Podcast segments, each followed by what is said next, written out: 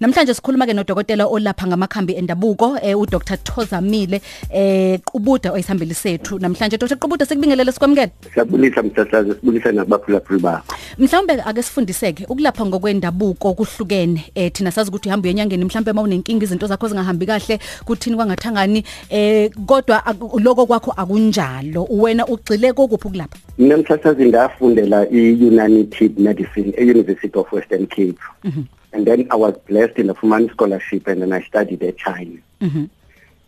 Xa ngibuyayo nganikwa i specialist i HIV. I have a master's degree in HIV management. Nganikwa imali bandenze research i traditional African medicine. I resisted qala andavuma ngenxa ye religion yami. But wavele wathetha kabuhlungu lo mlungu lo mlunkazi uprofessor wami. What I'm not doing this for me, I'm doing this for your own people. Yabo. Yaba kabuhlungu ndayenza la research mm -hmm. i-african medicine is as old as humanity themselves mama mhm. udala ikhona bebe mhm. uintroduce nje uintroduce kamandi ba aqala ufike as for call iswekile intoni intoni eh i-African i-African medicine is, is divided into two kukho clinical medicine apho sisebenzisa mhlambi amakhamba afana nomdumba umganu iswazi ezinye iqwili njalo njalo isibhaha ezisisebenzisela for for mhlambi headache for nasal congestion njalo njalo ezisisebenzisa. Kubekho i-spiritual medicine apho mhlambi ngibangafuna umsebenzi andiwutholi. Yiye ke endaweni ethile kunzima eh yiphi into ohlamba ngayo kwenzela kukhanye kuwo niyidivide kayi-two i-african medicine. Mhlawumbe ake sibheke ke um-, umahluko. Phakathi kwendlela osebenza ngayo naloku kuthiwa eh, i-western medicine. Ngoba ngeke ngizibuza ukuthi kuhlukaniswa lani ngoba medicine is medicine. Kodwa ke kuthathe kuhlukaniswa kukhona ukuhlukanisa dadethu i-African medicine is holistic. You look at the human organism in its totality the spiritual aspect the physical aspect and the psychological aspect. kwi-African medicine umuntu umkhandela wonke. Kwi-western medicine i-divided i-western medicine and it concentrate on the symptoms. Ayinyangi i-western medicine. Noba ngubani oxokayo othi iyanyanga. I-western medicine is managing i-symptoms mm. if u-diabetic you are going to be managed until you perish on the earth. Uba une-hypertension you are until you perish. If une-cancer until you perish. But i-african medicine is very good kwinto edibene ne-chronic diseases. It feeds the body it removes the disease from the organism. Yabo. Mm -hmm. but it, with the same token there is good in both medicine basithetha nge-western medicine when it comes to emergency i-african medicine it comes second. But when it comes to chronic diseases mm -hmm. african medicine is number one.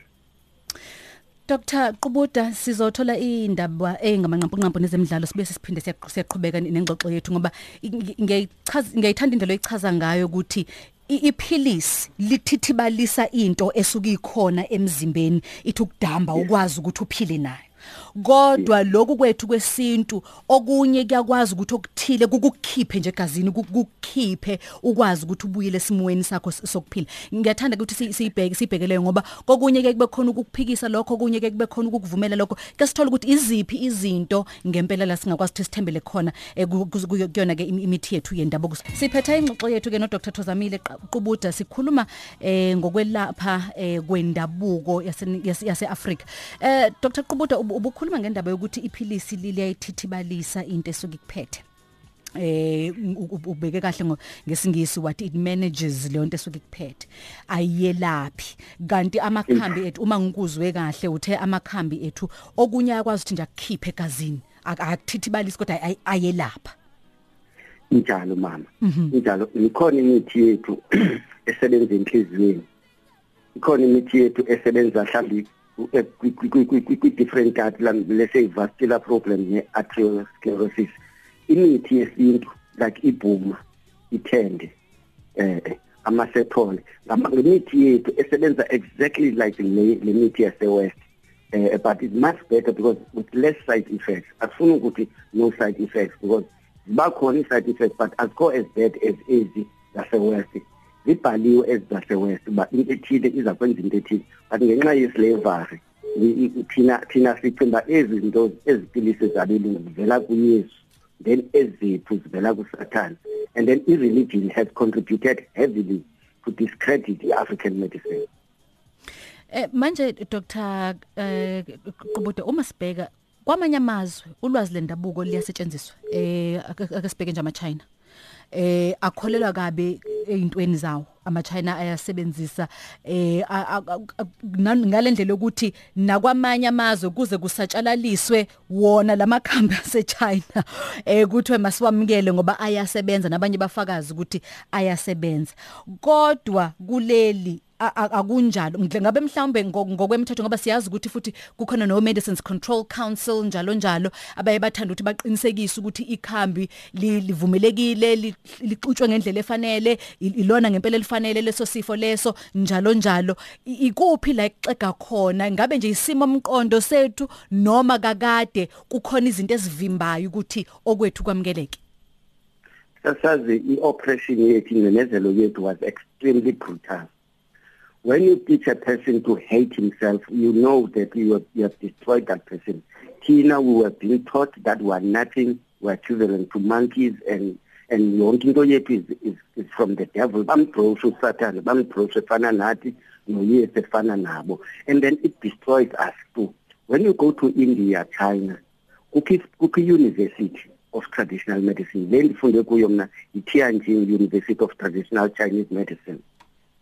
Kukho kukho kukho i-colleges kukho izibhedlele ze ze ze Af- ze natural medicine. Apha kuthi eh yifake nje and uzofuna ukuba uya kwi workshop then kuzothathwa umuntu one PhD kwintontontonton pharmacology.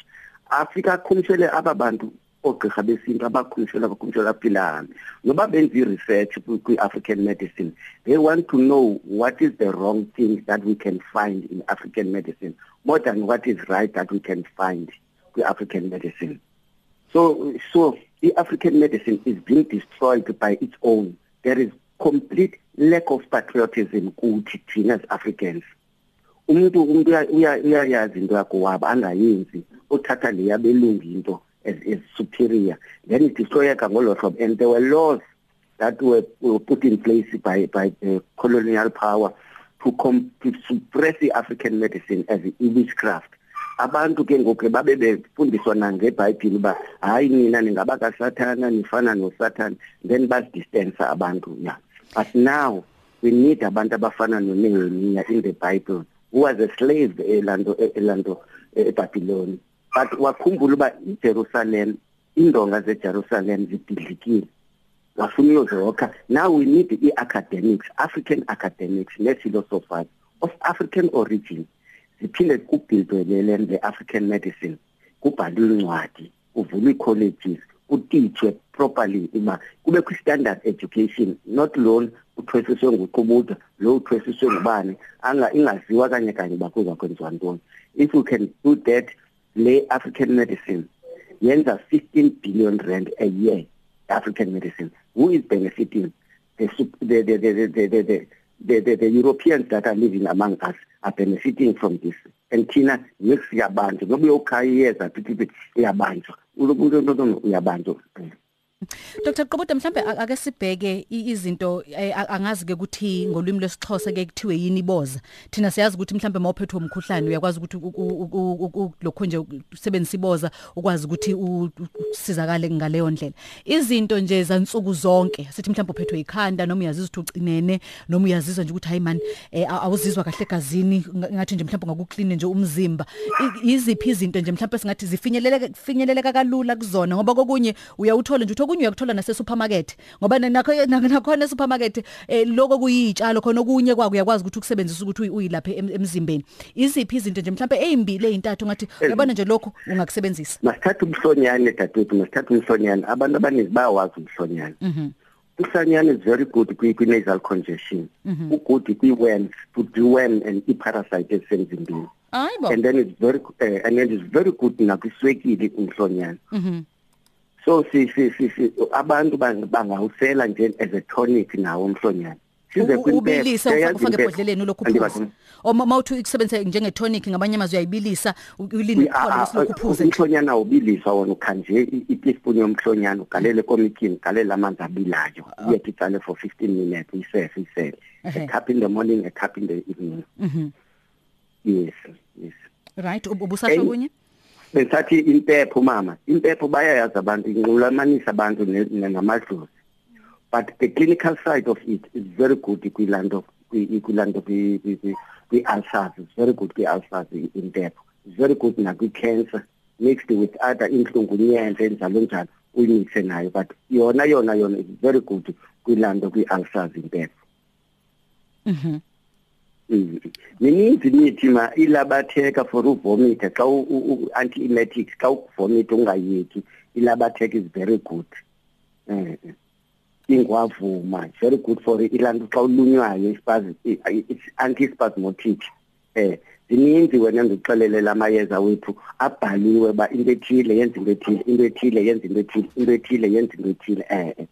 xa ufumane apha kum apha kwi lapha kwi practice yami every patient that comes in igetha unwele. Khona we- wesi- wesixhosa nesizulu kuthiwa unwele eh very powerful kwi-immune booster ne-adaptogen.